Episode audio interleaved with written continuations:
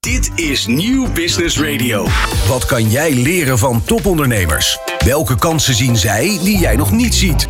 In de horeca, retail, e-commerce of welke branche dan ook. Dit is De Ondernemer Live met Roland Tameling. Welkom terug en leuk dat je luistert en of kijkt naar het tweede uur van De Ondernemer Live van dinsdag 5 december 2023. Hoofdgast van deze sfeervolle Sinterklaas-uitzending mag je wel stellen is Annemijn Otte. De jonge maar zeer succesvolle ondernemer achter Countrywood. Maar we gaan het straks ook hebben over eh, de Rotterdamse whisky en gin. Blikken we vooruit op de trends waar ondernemers rekening mee moeten houden in 2024. En duiken we natuurlijk weer in de AFAS Young Business Awards. Blijf dus vooral kijken en luisteren naar De Ondernemer Live. Wat kan jij leren van topondernemers? Welke kansen zien zij die jij nog niet ziet? In de horeca, retail, e-commerce of welke branche dan ook. Elke ondernemer kent dezelfde uitdagingen. In De Ondernemer Live hoor je echte ondernemersverhalen. Elke dinsdag tussen 11 en 1 schuiven topondernemers en experts aan bij De Ondernemer Live op Nieuw Business Radio. Live meekijken kan via deondernemer.nl. Ja, Annemijn, welkom in het eh, tweede uur. We hadden het zojuist met Job van den Berg van AI.nl over de opkomst van ChatGPT en, uh, en uh, kunstmatige intelligentie. Um, jij zei net tegen me van ja, ik ben, een, ik ben een, een, internetgekkie in de zin van dat je er heel erg ja, digitaal gespecialiseerd bent. Je vindt het leuk om met die technologie bezig te zijn. In hoeverre speelt AI al een rol bij, bij jullie, bij Countrywood? Nou, het speelt, speelt zeker een rol. Ik heb bijvoorbeeld op mijn website al jaren dynamische content.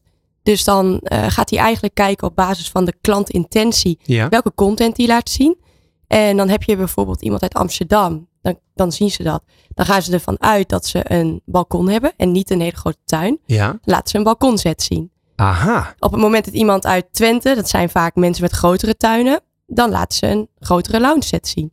Dus dat is eigenlijk op basis van klantintentie. Gaat Ja. hij kijken van, hé, hey, oké, we zien dat vaak mensen in Amsterdam dit product kopen. Laten we nu dit product zien. Mensen in Twente kopen vaker dit product. Laten we Mhm. dit product zien. Dat, dat wordt ook door, A- door AI wordt het eigenlijk ingeladen. Ja. En dat gebruik ik eigenlijk al jaren.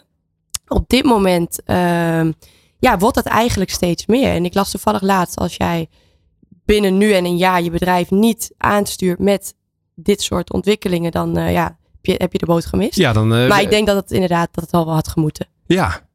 Nog even, ik, ik vind het altijd interessant om dat even eh, tastbaar te maken. Hè? Hoe, hoe heb je dat nou geïmplementeerd? Want je zegt, we hebben dus dynamische eh, productaanbiedingen op het Ja. moment dat er, dat er een bepaald type klant komt. Hoe heb je dat, natuurlijk het idee is één, maar hoe heb je dat nou ook daadwerkelijk geïmplementeerd? En hoe zorg je dat het ook eh, positieve resultaten voor de business heeft? Nou ja, daar heb je gewoon software voor die Ja. je gebruikt. En die doet eigenlijk AB-test. Mhm, Dus zij doen 50% van de bezoekers laten ze het wel zien. mhm. En 50% van de bezoekers laten ze gewoon een normale statische website zien. Maar heb je voor die software een externe partij ingeschakeld of Ja. heb je het zelf gebouwd? Nee, nee, een externe partij. Oké. Ja. En dan, eh, ik probeer even op jouw stoel te gaan zitten. Hè? Want jij denkt, oké, dit moeten we gaan doen. Goede strategische keuze. Ja. Ga je dan een rondje bellen? Nee, het, eh, die mensen kwamen eigenlijk bij mij terecht. Ja. En eh, toen ben ik daar een paar jaar klant geweest. En nu gaan we het eigenlijk zelf bouwen. Oké. Dus dat, ik heb dat jaren vanuit een eh, extern bedrijf gedaan. Ja. Maar het bleek dat het zelf ook wel haalbaar is om, eh, om daar zelf iets voor te bouwen. En dat ja, scheelt natuurlijk geld. ja, precies. Ja. Want eh, dan, Ja. dan hoef je niet continu een, eh, eh, ja, een pakketje af te Ja, nemen. het is een dure software. Dus ja, als je het zelf kunt, dan... ik heb natuurlijk daar afgekeken hoe het werkt. En Ja. eh, ga het nu zelf doen. Ja.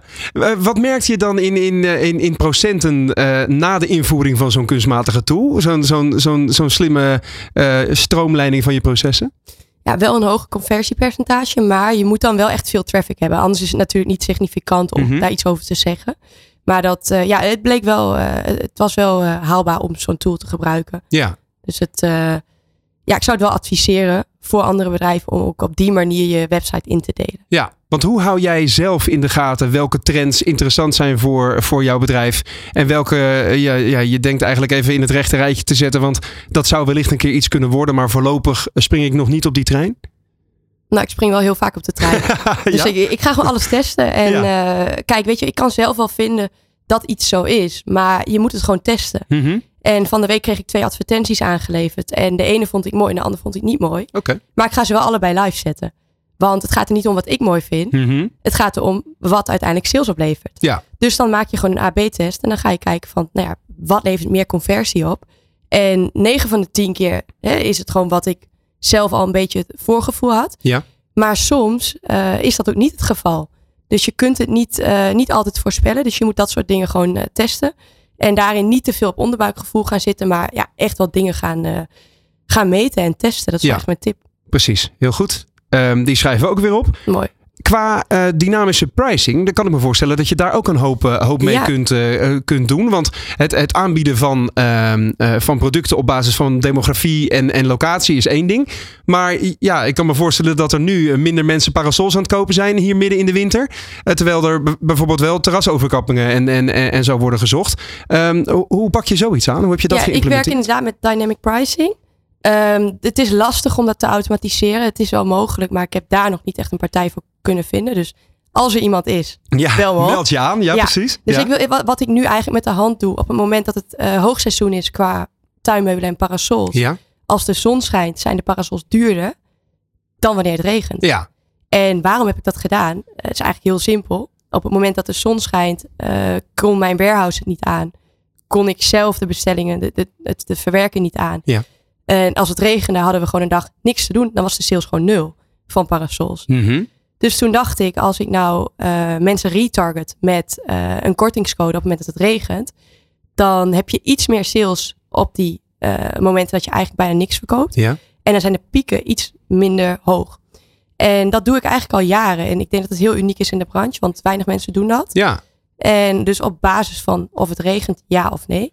En in de winter zijn veel tuinmiddelen ook goedkoper. Ja. Maar het is ook afhankelijk van wat voor voorraad je hebt liggen. Kijk, je wilt gewoon dat het eh, in de winter zo min mogelijk voorraad van producten wa- wat je niet verkoopt. Dus liever ik het wel verkoopt en dat het er heel lang ligt. Maar gebruik je het dan eh, primair als een eh, instrument om de dode stok weg te werken? Of is het ook juist om de, de klant aan boord te houden? Want eh, ja, de meeste tuinmeubelen worden natuurlijk niet ieder jaar gekocht. Nou ja, het is vooral om die eh, pieken wat minder te hebben. Ja, dus ja. het, het- ik verkoop het toch wel. Maar het gaat erom dat je het eh, iets meer verdeelt, de sales. Zodat ook de hele organisatie daar minder stress van ervaart. Ja, Ja. precies. Ik wil het graag even met je hebben over die strategische eh, eh, plannen die je aan het uitrollen bent. Want je vertelde net, je bent op je veertiende begonnen. Eh, toen ging het eigenlijk in positieve zin een beetje van gelukje naar gelukje. Daardoor is het bedrijf gegroeid, langzaam maar zeker. Ehm, nu werk je vanuit Spanje, vooral op je laptop en je, en je mobiel stuur je, stuur je veel elementen aan. Wat zijn jouw volgende plannen voor, laten we zeggen, de komende tien jaar? Ik weet dat je niet zo ver vooruit denkt, maar hoe pak je dat aan? Nou, vooral meer automatiseren. Dus eh, de website, ik heb net een nieuwe website, die moet nog heel erg veel verbeterd worden. Oké. Daar eh, ja, valt nog heel veel winst te behalen. Ook eh, naar het buitenland toe. Op dit moment is het zo dat als iemand in Spanje iets wil kopen, dat het op aanvraag gaat. Ja. Dat moet eigenlijk zo zijn dat het ook in de webshop besteld kan worden. Dat is makkelijker gezegd dan gedaan. Mhm. in Nederland en België heeft iedereen gewoon een normaal bereikbaar adres. Ja. In Spanje zijn er veel mensen die wonen boven op een berg en het adres bestaat helemaal niet. Aha. Dus als iemand dan iets bestelt in de webshop en de transporteur staat daar en ze nemen de telefoon niet op, dan heb ik wel een probleem. Ja. Want dan staan ze daar met een blokket van 15.000 euro en de klant is niet bereikbaar, het Ja. adres is niet te vinden. Dus daar moeten we iets op bedenken dat dat, eh, ja, dat, dat haalbaar is om die klanten te bedienen. Op dit moment eh, gaat er eerst eh, heel veel contact aan vooraf. Dus ik heb eerst contact met de consument en zij sturen mij de locatie. Mhm. Dan gaat de transporteur uitzoeken of het bereikbaar is. Eh, het is vaak zo dat ze daar speciaal transport voor moeten inschakelen ter plaatse of een kraan. Ja. Omdat het toch wat moeilijker bereikbaar is. Dat gaat dan wel om blokhutten. Dat zijn pakketten van 3500 kilo. Ja. Het gaat niet om een losse parasol. Dat, dat lukt nog wel. nee, precies. En dat is wel echt een uitdaging. Maar ik vind het heel leuk om dat soort uitdagingen aan te gaan. En om te gaan bedenken van hey, hoe kunnen we eh, hierin opschalen. Want ja, de vraag is er. De sales Ja. is er. Ja. Maar het kan nog veel meer. En dat, eh, dat is waar ik nu heel druk mee ben. Dus toch echt wel uitbreiding naar het buitenland. En daarin ook wat meer eh, ja, automatisering. Dus dat mensen gewoon bestellen. Dat ze niet eerst contact moeten hebben Ja. met mij en met de transporteur. Maar dat het gewoon besteld wordt. Ja, want dat, dat lastige proces eh, zorgt er natuurlijk ook voor dat je, dat je groei geremd wordt. Ja. Ja. Eigenlijk wel. En ehm, dus als ondernemer beleef je het meeste plezier aan het ont, ontrafelen eigenlijk van dat soort knopen. Dat je denkt, oké, Ja, eh, dit, dit, dit Ja. moet... eh, ja. en, en daar heb je dus veel lokale eh, aanspreekpunten voor? Of ben je zelf ook echt op locatie om, om eens te kijken hoe, hoe dat nou gaat in, in, het, in het dagelijkse proces van die bezorgers? Nee, dat laat ik de transporteur doen. Ook weer uitbesteden dus. Ja. Ja. Ja, je, je moet dat soort dingen laten doen door mensen die daar gespecialiseerd in zijn. Ja. Kijk, en ik kan niet inschatten of die vrachtwagen daar kan komen en of die hè, of die het kan lossen. Dat, ja, ik kan het 9 van de 10 keer wel inschatten, maar niet altijd. Dus Mhm. dat zijn dingen die moet je aan de specialisten overlaten. En eh, ja, daar ben ik natuurlijk wel onderdeel van, want ik begeleid daarin ook gewoon hè, het proces tussen de klant en de ehm, transporteur. Maar Ja. ik kan daar niet, eh, niet altijd eh, een oordeel over geven. Snap ik. Je geeft aan, eh, sommige zaken moet je aan eh, specialisten overlaten. Eh, maar een van je andere strategische groeipunten is het opzetten van een, een soort marktplaats. Je wil eigenlijk een beetje de, de bol.com worden van de outdoor producten, zie ik hier. Ja, klopt. Kun je dat even uitleggen? Nou, kijk, in een land is eigenlijk plek voor één of twee marketplaces. Dat is een beetje hoe ik het zie. Nou, Ja? Je hebt natuurlijk bol.com, Amazon in Nederland. Amazon had ik wat meer van verwacht, maar bol is gewoon de marketplace in Mhm, Nederland. mhm. Zij doen het supergoed, ehm, maar ik denk dat er voor outdoor specifiek, dat daar nog wel een, eh, ja, een, een markt voor is. Dus het is niet zo dat, de dat ik de concurrentie aan wil gaan met een bol.com. Maar ik wil een eh, eigen marketplace Ja. waarin ik mij specialiseer in outdoor. Nou, die ervaring heb ik. Ik zit al tien jaar in de branche. Ik heb eh, ervaring met transport, internationaal. Mhm. En dat zijn zaken waarin ik, ehm, ja, waarin ik ook andere bedrijven kan helpen. Dus voor je beeldvorming gaat nu een partij eh, partner worden van mij. Hun, hun producten komen op mijn website. Ja. Zij draaien super omzet in Nederland. Ja, ja. Maar zij kunnen veel meer. Ze hebben heel veel voorraad. eh, maar goed, hun, hun rijkwijde is gewoon Nederland.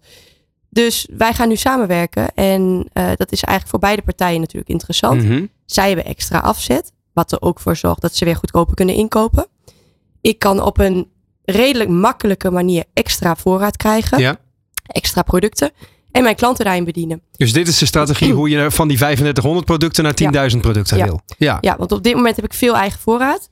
En eh, ja, ik blijf natuurlijk wel opschalen daarin. Mhm. Maar dit is een andere weg waarin het opschalen ook, eh, ja, ook wel eenvoudig is om op die manier op te schalen. Maar het is niet makkelijk, want het zijn natuurlijk best wel lastige producten waar ook eh, technische kennis voor nodig is. En eh, daarom denk ik dat het voor mij, eh, ja, dat het voor mij wel mogelijk is om op die tour te gaan qua marketplace, Mhm. omdat ik die kennis heb. En hoe ga je dit fysiek inkleden dan? Wordt het feitelijk een uitbreiding van jullie website of ga je echt een nieuw platform lanceren? Nee, het wordt wel echt Countrywood. Dus Countrywood is de naam. Dus Ja. de partners kunnen echt gebruik maken van mijn naamsbekendheid, mijn reviews eh, en ook mijn service. Mhm. Dus op het moment dat zo'n partij die het in Nederland supergoed doet, nog nooit iets naar Spanje heeft verzonden, dan ben ik degene die het transport regelt. Ja, want jij hebt die, die kluwe al ontwikkeld. Ja, zij ja. regelen het. Kijk, ik heb het wiel daarin uitgevonden Ja. eigenlijk. Zij kunnen dat wel opsturen, maar er gaat best wel vaak wat mis. En ik heb daarin eh, ja, de ervaring al. Alleen die producten, daar hebben zij alle ervaring en kennis van. Dus Ja. we gaan eigenlijk onze krachten bundelen. En ehm, ja, dat wordt eigenlijk een win-win situatie. Ja. En ik heb daar heel veel vertrouwen in. Hoe zorg je dat het niet compleet, even op zijn Hollands gezegd, uit de klauwen escaleert? Nou, ik ben heel positief. Dus Ja. ik zie dat. eh, Ja? ja, ik vind op het moment dat er heel veel eh, weerstand komt, is het alleen maar leuk. Toch? Hoe bedoel je? Nou ja, al- als er eh, ja, beren op de weg komen, dan is dat ook weer uitdaging. Ja. Ja, ik las Dus eerder dat jij geen beer op de weg ziet. Hè? Je Nee, denkt alleen maar in, weet je, je eit dan even over het bolletje van de beer Ja. en dan gaat hij meewerken. Ja, nou ja, weet je, gewoon kijken hoe je het kunt oplossen als er een keer wat misgaat. En dat komt wel goed.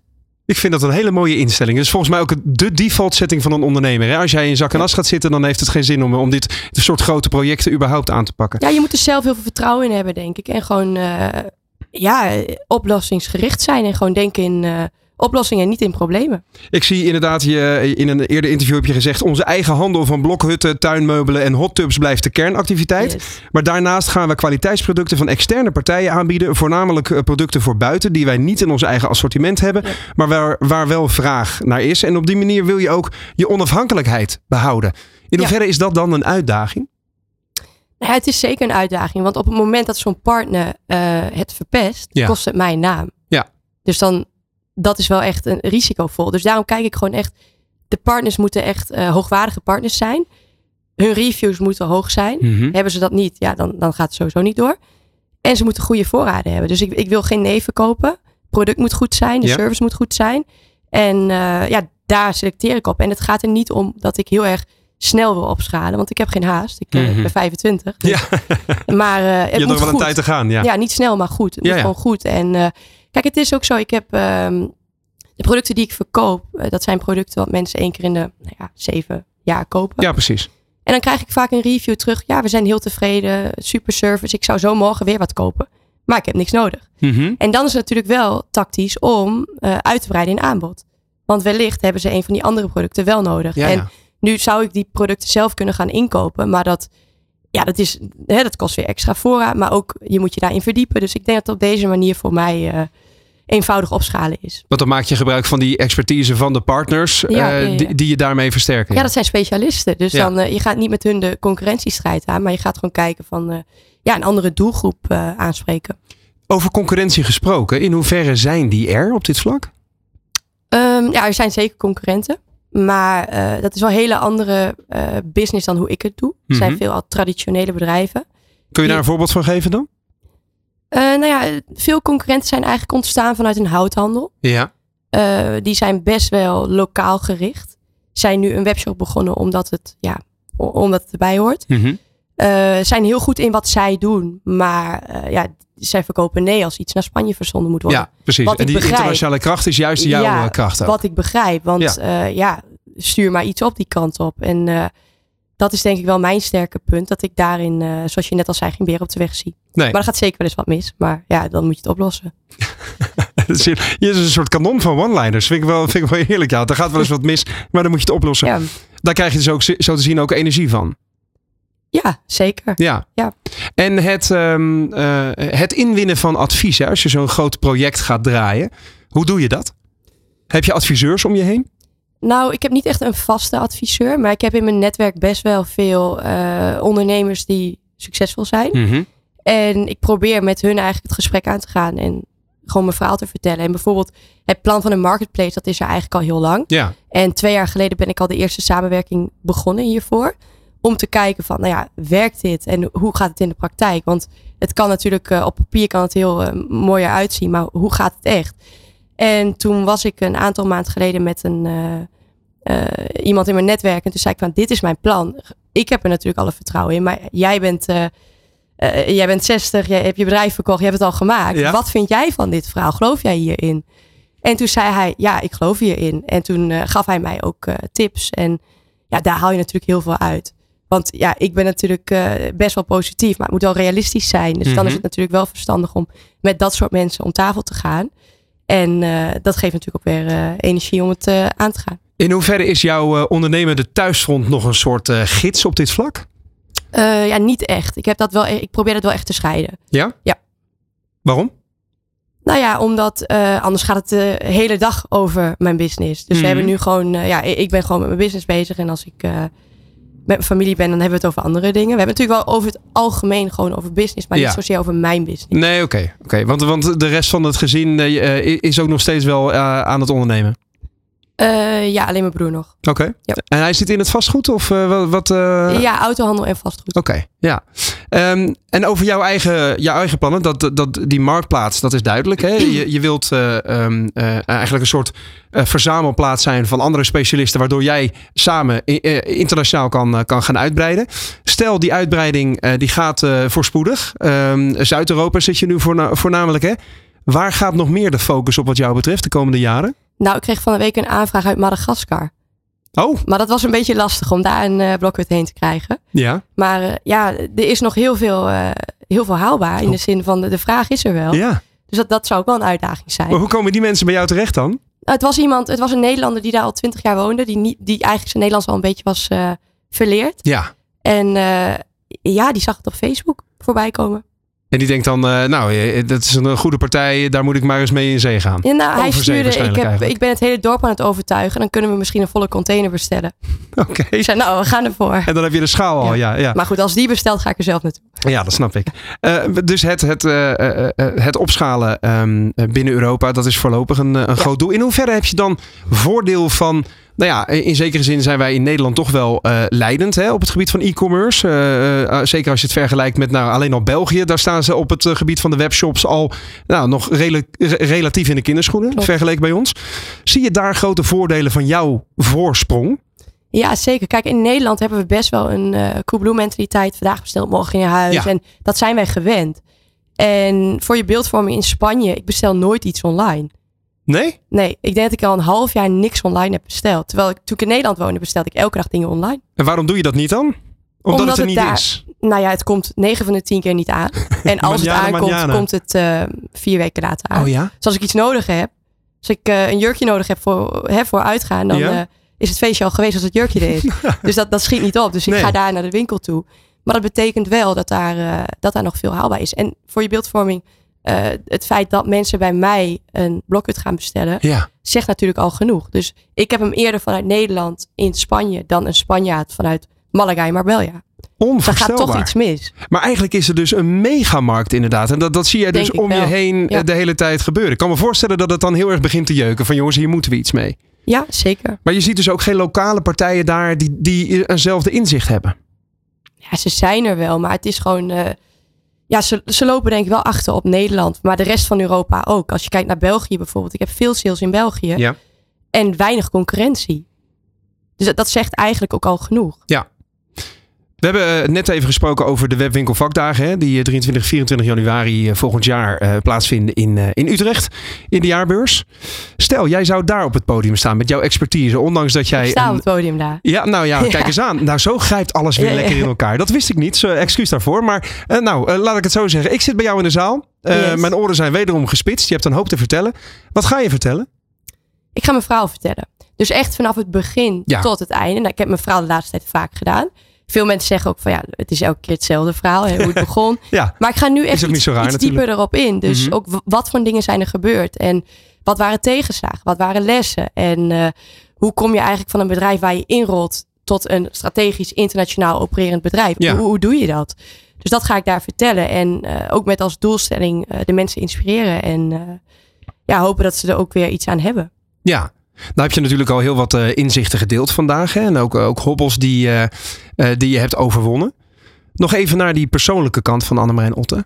Wat was er, waren er momenten of was er een moment waarop jij dacht, waar ben ik nou toch mee bezig? Joh, ik ben nu 16 of 18 en het gaat op zich best oké. maar dit is eigenlijk niet het leven waar ik, eh, waar ik voor heb getekend. Is dat gebeurd?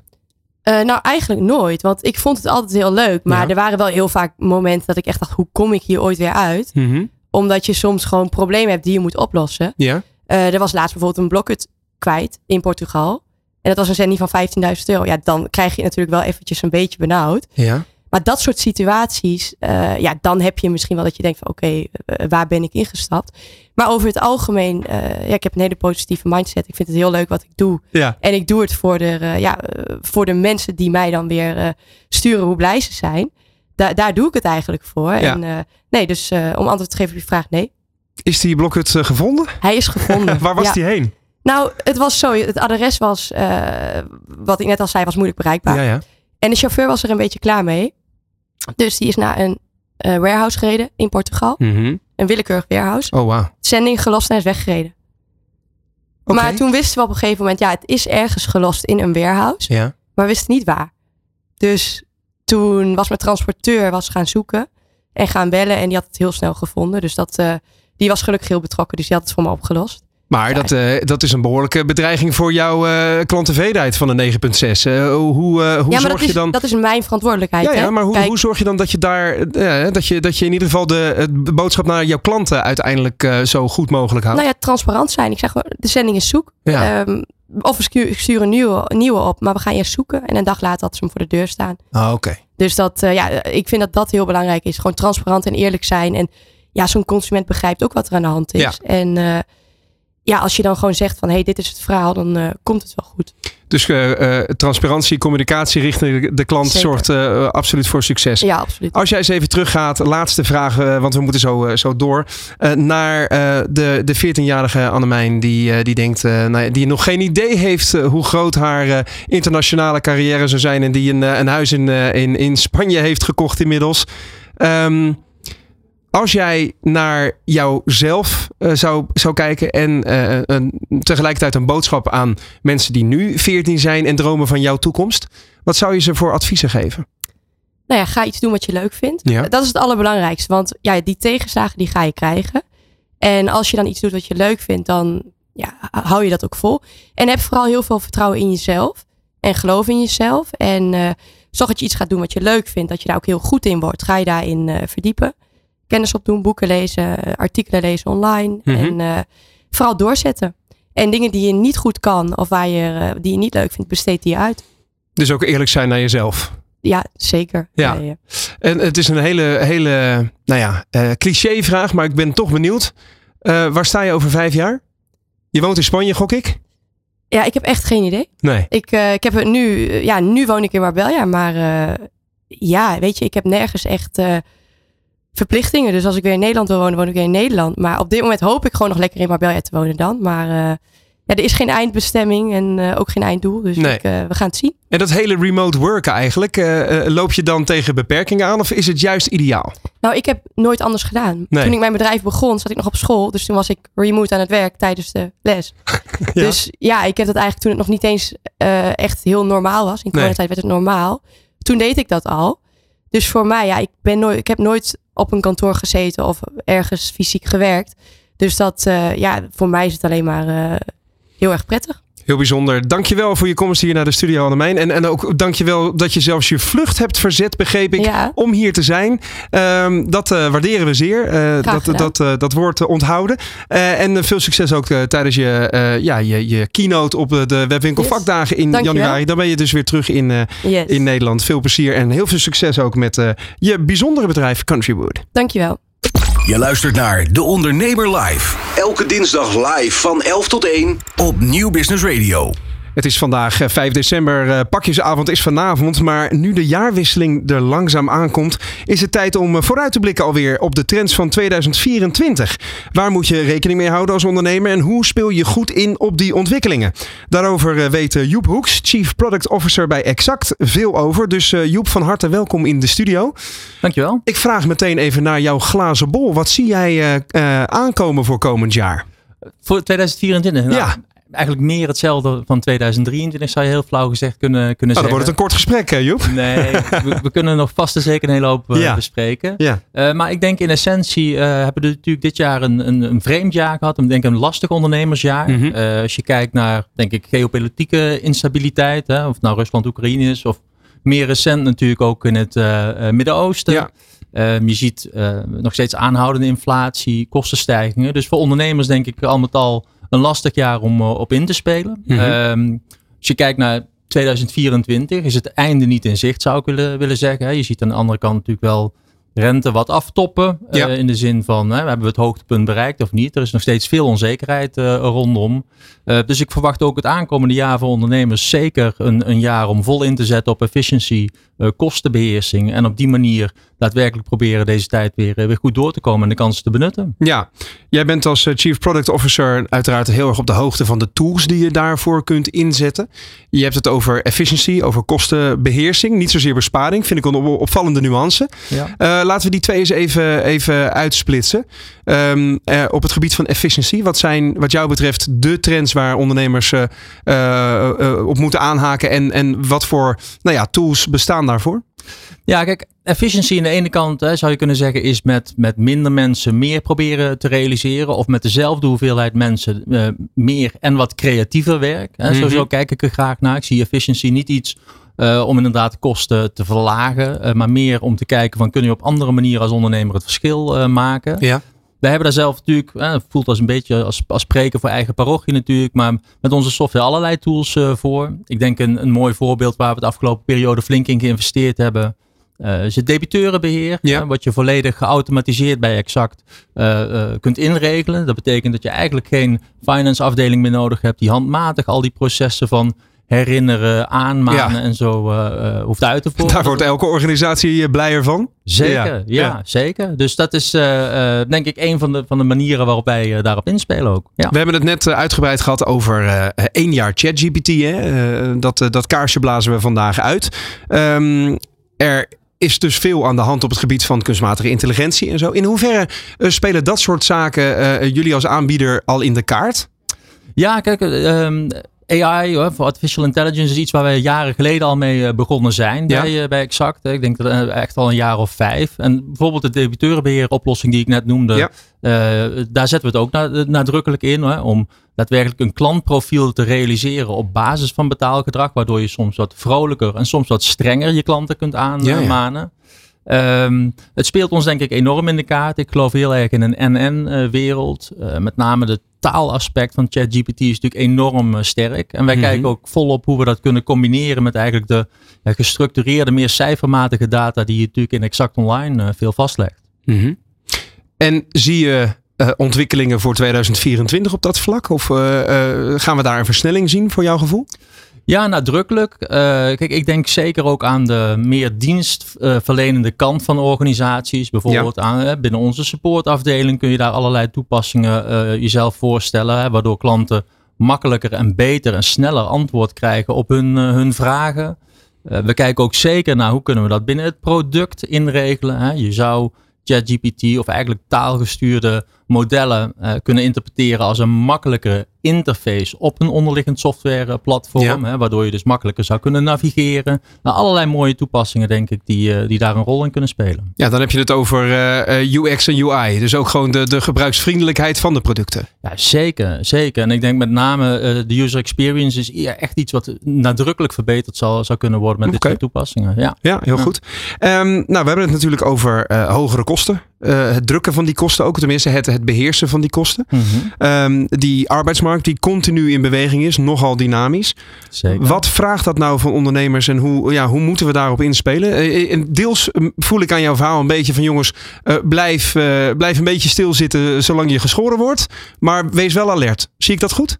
Ja, nou kijk, ik denk de kern is echt flexibiliteit. Dus uh, als je ziet hoe snel dingen kunnen veranderen, uh, ook over de afgelopen periode. Hè, als er iets gebeurt in Israël, staat het, de, de wereld bij, uh, in brand en is er veel, veel in rep en roer. Nogal, ja. Um, dus ik denk dat het heel belangrijk is als ondernemer om daarop in te kunnen spelen en snel te kunnen navigeren door die nieuwe omstandigheden. Um, de, de flexibiliteit in die kostenbeheersing is daarbij denk ik een hele relevante.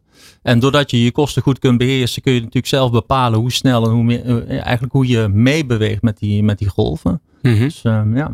De flexibiliteit, dus, dus eigenlijk zeg je niet stilzitten, maar uh, uh, uh, soepel blijven bewegen. Zeker, ja. Ik denk volop in beweging blijven. Kijken wat er, wat er om je heen gebeurt, hoe het zich ontwikkelt, hè, wanneer je wel kunt investeren, wanneer je een stapje terug moet doen. Mm -hmm. Ik denk goed inzicht in je eigen performance van je organisatie is heel belangrijk. Dus nadrukkelijk zorgen dat je, je boekhouding bij is, hè, in, in termen van exact online ja. gesproken. Ja. dus dat zeker, ja. En dat kan dan ook helpen om wellicht een logische impuls bij veel ondernemers om toch even te schuiven naar beneden te draaien. Hè? Van jongens, we gaan even een stapje terug, uh, consolideren het komende jaar.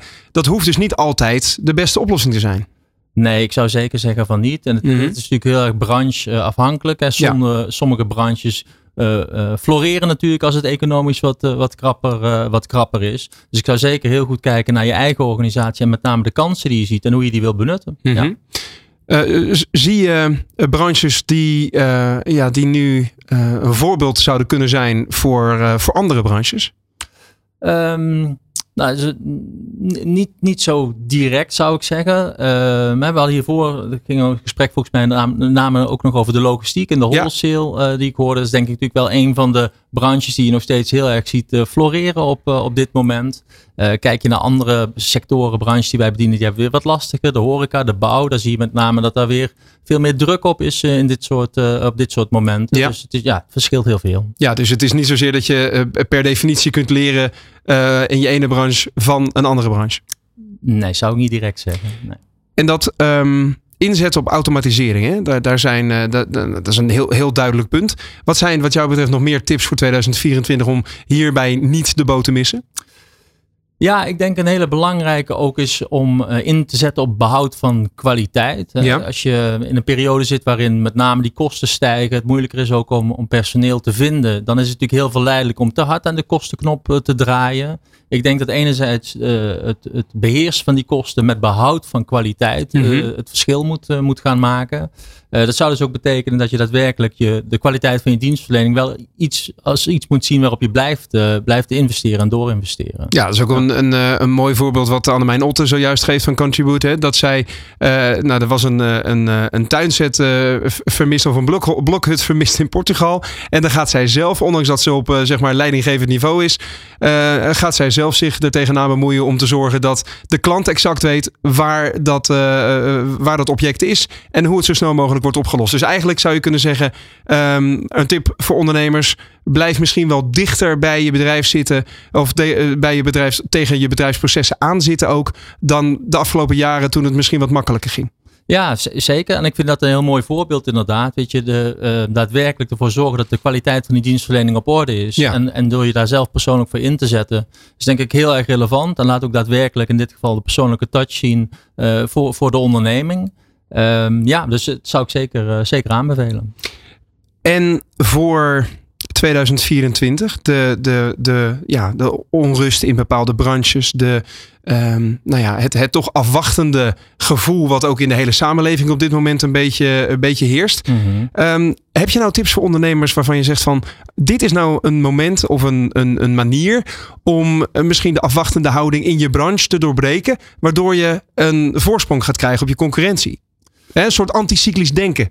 Nou ja, precies. Dat, dat, dat is het denk ik met name. Uh, en ik denk dat, dat uh, veel ondernemers uh, dat goed voor zichzelf kunnen invullen. Hè? Dus de ondernemer heeft vaak lef, die durft, ja. die, die, kent zijn markt, die kent zijn eigen organisatie heel erg goed. Dus ik denk dat het moeilijk is om daar generalistisch iets over Mhm. te zeggen. Ja, maar misschien kun je, pakken, kun je een ervaring pakken van, van klanten die, die jullie bedienen. Dat je iets ziet van, nou, dat is, dat is inspirerend.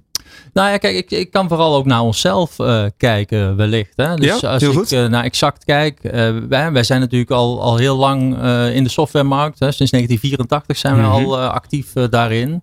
Um, voor ons zijn dit echt de tijden waarop we juist door investeren. Dus we investeren heel veel in technologische vooruitgang om ook ja, dan niet ervoor te zorgen dat je niet alleen dit jaar succesvol bent, maar echt de jaren daarna succesvol kunt, uh, kunt blijven. Dus ik denk dat we zeker ook anticyclisch uh, durven te investeren.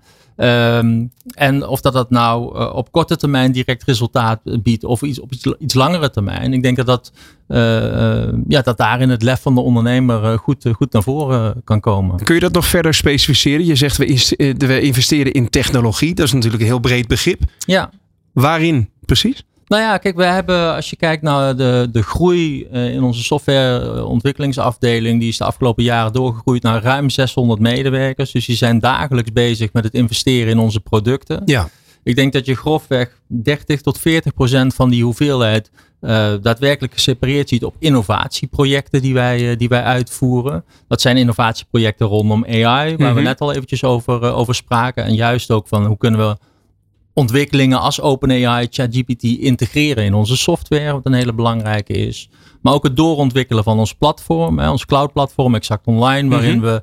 we uh, daadwerkelijk de volgende stappen nu hebben gezet, ook naar, naar premium edities, waarin we ook complexere organisaties met meer vraag naar eigenlijk een, een maatwerkomgeving ja. uh, uh, kunnen gaan, gaan ondersteunen. Een dus, premium editie. Dat ja. klinkt als een, als een, als een mooier, uh, mooier verpakte dure jas. maar, maar dat is in jullie geval bij Exact vast iets anders. Zeker, zeker. Het is zeker een mooiere, een mooiere jas in dit ja. geval. Dus het is daadwerkelijk het doorontwikkelen van ons Exact Online platform. Wat we al jarenlang voor de, de MKB'er vanuit de cloud leveren. Mm -hmm. daarin hebben we ook een volgende stap gezet om ook zeg maar, de onderkant echt van het, ja, het mid-market segment, zoals wij dat typeren, uh, kunnen bedienen. Ja. Uh, daarmee krijgen ze juist meer flexibiliteit om die standaard cloud-omgeving naar hun eigen hand te zetten. Dus je kunt denken aan het toevoegen van vrije velden, het bepalen van welke flows je automatiseert, hè, welke goedkeuringsprocessen. Mm -hmm. Ook mooie integraties met Power BI, Microsoft Power BI, waardoor je daadwerkelijk de inzichten en rapportages kunt creëren die specifiek voor jouw organisatie van, uh, van belang zijn. Mm -hmm. Dus dat is een, een, een premium editie en denk ik een, een van de mooie voorbeelden van onze innovatiefabriek. Dus ook weer een, een, een goede tip. Uh, in lastige tijden, economisch gezien, loont het om meer op maatwerk en dus gaan, service te gaan zitten. Ja, en dan denk ik, uh, dus wat we proberen juist is het te combineren van al het goede wat je uit de cloud kunt leveren, op basis van standaard, met daadwerkelijk het, de flexibiliteit van een eigen softwareomgeving. Ja. Dus daadwerkelijk de klanten de instrumenten geven om de software naar hun hand te zetten. Heel goed. Ja. Laatste puntje, uh, duurzaamheid, verantwoord ondernemen is iets wat natuurlijk uh, een trend is uh, waar we ook komend jaar wel moeten en ook willen op, op, op, op aan zullen haken. Ja. Um, heb je de beste tip tot slot op dat vlak nog? Uh, reporting, reporting en reporting zou ik zeggen. dat zijn drie tips, ja? Ja, precies. Dus ik denk de trend is, is al jaren gaande. Wat je, de grootste wijziging die je zult zien vanaf 2024 en, en verder, is dat er rapportageverplichtingen aankomen. Ja. Te beginnen bij grotere ondernemingen, maar die zullen snel doorcijpelen in de keten, waar ook de kleinere ondernemers mee geconfronteerd zullen gaan worden. Een van de voorbeelden is een gemiddelde CO2-uitstoot of de, de CO2-uitstoot van je, van je medewerkers als je een bedrijf hebt van meer dan 100 medewerkers. dat je elke zakelijke rit uh, de CO2-uitstoot daarvan moet vast gaan leggen en gaan rapporteren aan de overheid. Heb je nog, nog meer voorbeelden op dat vlak? Ja, je kunt ook denken aan uh, ja, in goed Nederlands diversity en inclusion. Hè? Dus ja. hoe ziet je workforce eruit en, en hoe stuur je daar uh, actief op? Je kunt ook denken aan de verantwoordelijkheid die je wil nemen voor je directe omgeving, mm -hmm. voor vrijwilligerswerk. nou, al dat soort elementen spelen een nadrukkelijke rol. En juist dat uh, is ook weer gebaat bij uh, automatiseren en uh, standaardiseren. Ja, met name dan standaardiseren. Dus als je daadwerkelijk in staat bent om die data gestructureerd vast te leggen, dan kun je er ook gestructureerd over gaan rapporteren en wordt dat veel eenvoudiger. Ja. Heel goed. Um, tot slot, Joep, als jij dit gesprek in één woord zou mogen samenvatten, wat zou dat zijn? Eén woord, exact zijn. Ja, ja. Uh, nou, efficiency zou ik zeggen. Oké. Ja. Dat wordt de uitdaging, maar ook de kans voor 2024. Dus. Zeker. Ja. Ik dank je hartelijk voor deze helderheid, eh, Joep. Uh, Joep Hoeks, Chief Product Officer bij Exact. Dankjewel. Elke dinsdag een andere inspirerende ondernemer te gast tijdens De Ondernemer Live. Van 11 tot 1 live op Nieuw Business Radio. Afgelopen zondag was de vierde editie te zien, eh, de aflevering te zien van de Young Business Award, waarin de veelbelovende scale-ups hun bedrijf pitchen aan een vakjury. Wie de aflevering terugkijkt op Videoland, ziet ook nu drie ondernemers om die felbegeerde finale plek strijden, om zich vervolgens te mogen kronen tot de meest veelbelovende jonge onderneming van Nederland. De vakjury koos in dit geval voor Textracer. Wat dat bedrijf doet, achterhalen waar grondstoffen voor kledingstukken precies geoogst, gemaakt en verwerkt worden. En op welke manier dat gebeurt. Dat is het doel van TextTracer om de hele footprint van de supply chain in beeld te brengen. Met het idee uiteraard dat modemerken daardoor beter gaan zorgen voor de aarde en de mensen.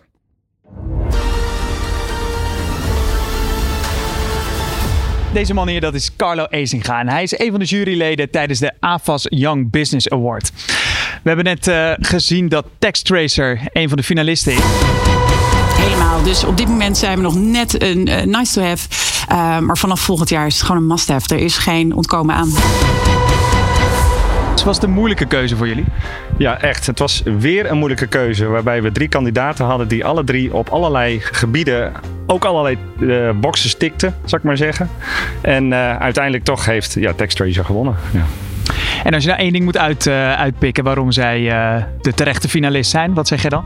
Ja, dan combineer ik toch twee dingen. Aan de ene kant echt een groot maatschappelijk probleem, namelijk de vervuiling in het textiel.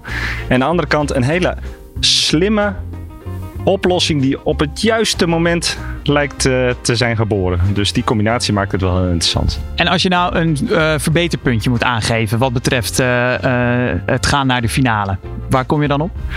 Ja, dan zou ik zeggen marketing. Want vooraf was het best onduidelijk voor ons voor joh, waar, waar zit nou het verdienmodel en waar, waar, is de plek in de keten? Waarom, waarom bestond het niet en is het er nu opeens wel? Dus dat zit hem toch in storytelling, marketing, communicatie. Daar, daar kan echt nog wel de volgende stap worden gezet. En dan is denk ik deze prijs een uitgelezen mogelijkheid om dat verhaal eh, uitgebreid te vertellen? Nou, dit is al marketing op zich natuurlijk. Dus uh, de eerste stap is gezet, dus dat is alleen maar hartstikke fijn. Finalist bij de AFAS Young Business Award. Jolanda, jij kan het zeggen namens TextRacer. Inderdaad, ja, onwijs blij mee. Had je het zien aankomen? Uh, nou, heel eerlijk gezegd, ik vond mijn antwoorden op de vragen dramatisch. Dus uh, daarin was ik best nog wel even uh, verbaasd. En blij te zien dat de jury toch zegt: oké, okay, naast ehm, nou misschien niet zo geweldige antwoorden, is het toch een goed verhaal. Kan je in een notendop uitleggen wat jouw bedrijf doet? Zeker. Uh, is een transparantieplatform specifiek voor de fashion-industrie, textielindustrie. Uh, wij helpen met het vergaren van inzicht in de productieketen, zodat modebedrijven en hun leveranciers, als ook de consument, uh, zich kunnen baseren op feiten. En hoe nodig is dit ja, concept? Ja, helaas giga nodig. Want uh, we willen met elkaar in 2050 toe naar netto nul. Eh, net zero. Uh, de textielindustrie is een gigagrote industrie en moet daarin mee. Maar om dat te kunnen doen, moeten mensen zich kunnen baseren op feiten, op echte informatie uit de keten. En dat is wat wij ophalen. En neem eens heel even mee in hoe dat werkt. Um, ik sta in de kledingwinkel. Ja, je staat in een eh, kledingwinkel. Jij uh, uh, gaat over mogelijk tot aanschaf van een product. In die kledingwinkel uh, zie je een product met een hangtag waarop een QR-code staat. Die QR-code geeft jou de informatie over de productreis en de voetafdruk van dat product. En daarmee kun jij als consument een weloverwogen keuze maken of je dat product wel of niet koopt. En dat is maar het ene, het ene deel. Belangrijker zijn nog de merken en hun leveranciers die aan de slag gaan met die data. Want zij kunnen alleen echt verduurzamen op het moment dat zij inzicht hebben in de keten. Van katoenveld tot aan confectieatelier. En op dit moment hebben velen van hen helaas alleen toegang tot de informatie van het confectieatelier. Even een, uh, een blik op de toekomst over pakken beter een jaar of twee. Waar staan jullie dan? Dan uh, zijn wij een bedrijf dat, uh, dat tegen die tijd winst maakt. Tegelijkertijd uh, nog heel veel zal investeren in de, het volledig maken van ons productaanbod. en daarnaast vooral heel veel gaan focussen op samenwerkingen met conculega's, met andere partijen in de keten. Omdat het heel belangrijk is om dat te doen. Want alleen kunnen wij deze industrie niet veranderen. Daar hebben we ook anderen voor nodig. En even nu kijkend naar die finale. Zenuwachtig of gaat het wel lukken? Nou ja, gepaste zenuwachtigheid zit er wel, uh, zit er wel in. Ben je nou benieuwd naar de vorige pitch van Jolanda of naar de aankomende pitch? Kijk dan op RTL Z en Videoland naar de AFAS Young Business Award. De pitch. Ben jij degene met een briljant idee en ben je op zoek naar funding of een investeerder? Dit is de ondernemer Pitch. Maak jouw plan wereldkundig binnen één minuut. Wekelijks krijgt een ondernemer met een hemelbestormend idee een, uh, ja, op zoek naar funding de kans om zijn bedrijf en zichzelf onder de aandacht te brengen. Er is alleen één regel. De pitch duurt één minuut. En in deze pitch een bijzonder bedrijf, Clay Distillery. Vanuit Rotterdam maken Paul en Maria whisky en gin op basis van de in 17e eh, eeuw ontwikkelde Nederlandse stooktraditie met uitsluitend biologische grondstoffen uit de regio. Het ondernemende stel is klaar om de producten op grotere schaal te gaan produceren. Maar om uh, onze, ja, de nieuwe distilleerketel aan te kopen, hebben de twee hulp nodig en zijn ze op zoek naar investeerders. Wij helpen ze graag een handje, maar gaat de pitch van een minuut verdere uh, zoden aan de dijk zetten? De pitch. Ben jij degene met een briljant idee en ben je op zoek naar funding of een investeerder? Dit is de ondernemer Pitch. Maak jouw plan wereldkundig binnen één minuut. Hoi, ik ben Paul van Clay Distillery. Wist je dat ze in 1795 al whisky maakten in Rotterdam? Wij ook niet. Sinds 2015 produceren wij in onze achtertuin whisky en gin. Op twee kilometer afstand van onze graanvelden kochten wij een oude boerderij. En hier willen we single estate whisky gaan produceren. En dit is de boerderij. Dat vergat ik even. Um, maar daarbij hebben we jullie hulp nodig. Dus een klimaatneutrale distilleerderij waar je kan eten, drinken en in de toekomst ook kan blijven slapen. Samen met jou willen wij whisky gaan produceren van wereldklasse in Rotterdam. Investeer jij mee? Ruim binnen de minuten, Paul, is dit. Eh, dat heb je goed gedaan. En inderdaad, uh, we hebben nog wat tijd over. Dus laat nog even aan de mensen die, die nu ook de, de livestream zitten te kijken. Je hebt twee grote kaarten bij je met daarop foto's. kun je even uitleggen wat we, daar, wat we daarin zien? Je ziet er een, een oude graanschuur. Charles de Lagendijk in Rotterdam. In ja. Rotterdam. Um, hier komt de distilleerderij en hier komt de bed and breakfast. Ja, ik zie een soort, uh, het lijkt een soort kop, hals, romp, maar ik zie eigenlijk alleen even de hals en de romp, hè? Klopt, ja. klopt. Nee, er, zit nog een, er zit nog een huis naast. Ja. Er wonen nog mensen naast. En we hebben prachtige, mooie oude distilleerketels uh, aangekocht. Ik zie nu een, de, de, de, ja, de, een soort opengewerkte ja. beeld van, uh, van het dak van de, van de boerderij. Waarin inderdaad een soort artist impression is van hoe het er van binnenuit gaat zien. Hè? Ja, en de, de ketels staan al, staan al in Nederland, in Schiedam. Ja. dus bestemming is, uh, is geregeld. Uh, we hebben ja, al 185 uh, enthousiasmeerde klanten die, uh, die met ons mee geïnvesteerd hebben. Ja. Dus ja, mei 2025 gaan we open. Maar om, ehm, ja, laten we zeggen, dan, gaan we, dan zijn we operationeel. Ja. Maar voor het slapen, het beleven, het eten, ja, hebben we nog wat hulp nodig. Ja, want ik zie nu op een Crowdabout Now de teller staan op 551.451 euro. Dat gaat niet heel slecht, mag je wel stellen? Helemaal niet slecht. Nee. nee. Nee, en, en het uiteindelijke doel is dus al behaald. Maar, eh, maar, maar je wil nog, eh, nog even flink eh, wat erbij, hè? Het, het doel om in productie te komen is behaald. Ja. Maar wat wij zien, onze klanten komen toch van verder, komen uit Friesland, uit Limburg, uit Duitsland, Engeland. Ja. Ja. Als ze er dan zijn, wat geproefd, wil je toch lekker verblijven en, en, en kunnen slapen. Eigenlijk willen die mensen willen zo dicht mogelijk en zo lang mogelijk bij die ketel blijven. Ja, toch wel. Dus, eh, wat dat betreft heb je een hoop gemeen met je klanten. Ja, Ehm, maar wa- wat ik inderdaad niet wist, eh, want je, je- daar begon je net je pitch mee. Eh, Wist je dat er sinds 19, eh, 17, sorry, 1795 Mhm. eh, whisky werd? Ik, ik heb ook de neiging om whisky heel eh, Schots uit te spreken. Ik weet niet waarom, maar wel lekker. ja, toch? Oh, Dat dat in, in eh, Nederland eh, op een, ehm, eh, een, een, een, een oud-Hollandse Nederlandse stooktraditie. Wat maakt die dan anders dan de andere tradities? Ehm, laten we zeggen, de ingrediënten zijn hetzelfde. Ja. Alleen het temperatuurpad, dus de temperatuur en, en de uitmalingsgraad van het graan Ja. eh, is, is, is anders. Maar technisch is hetzelfde. Rond, rond 1800 werd er eh, eh, op een dag was bier niet goed. Dat werd uitgestookt. Dat werd klaren. Ja.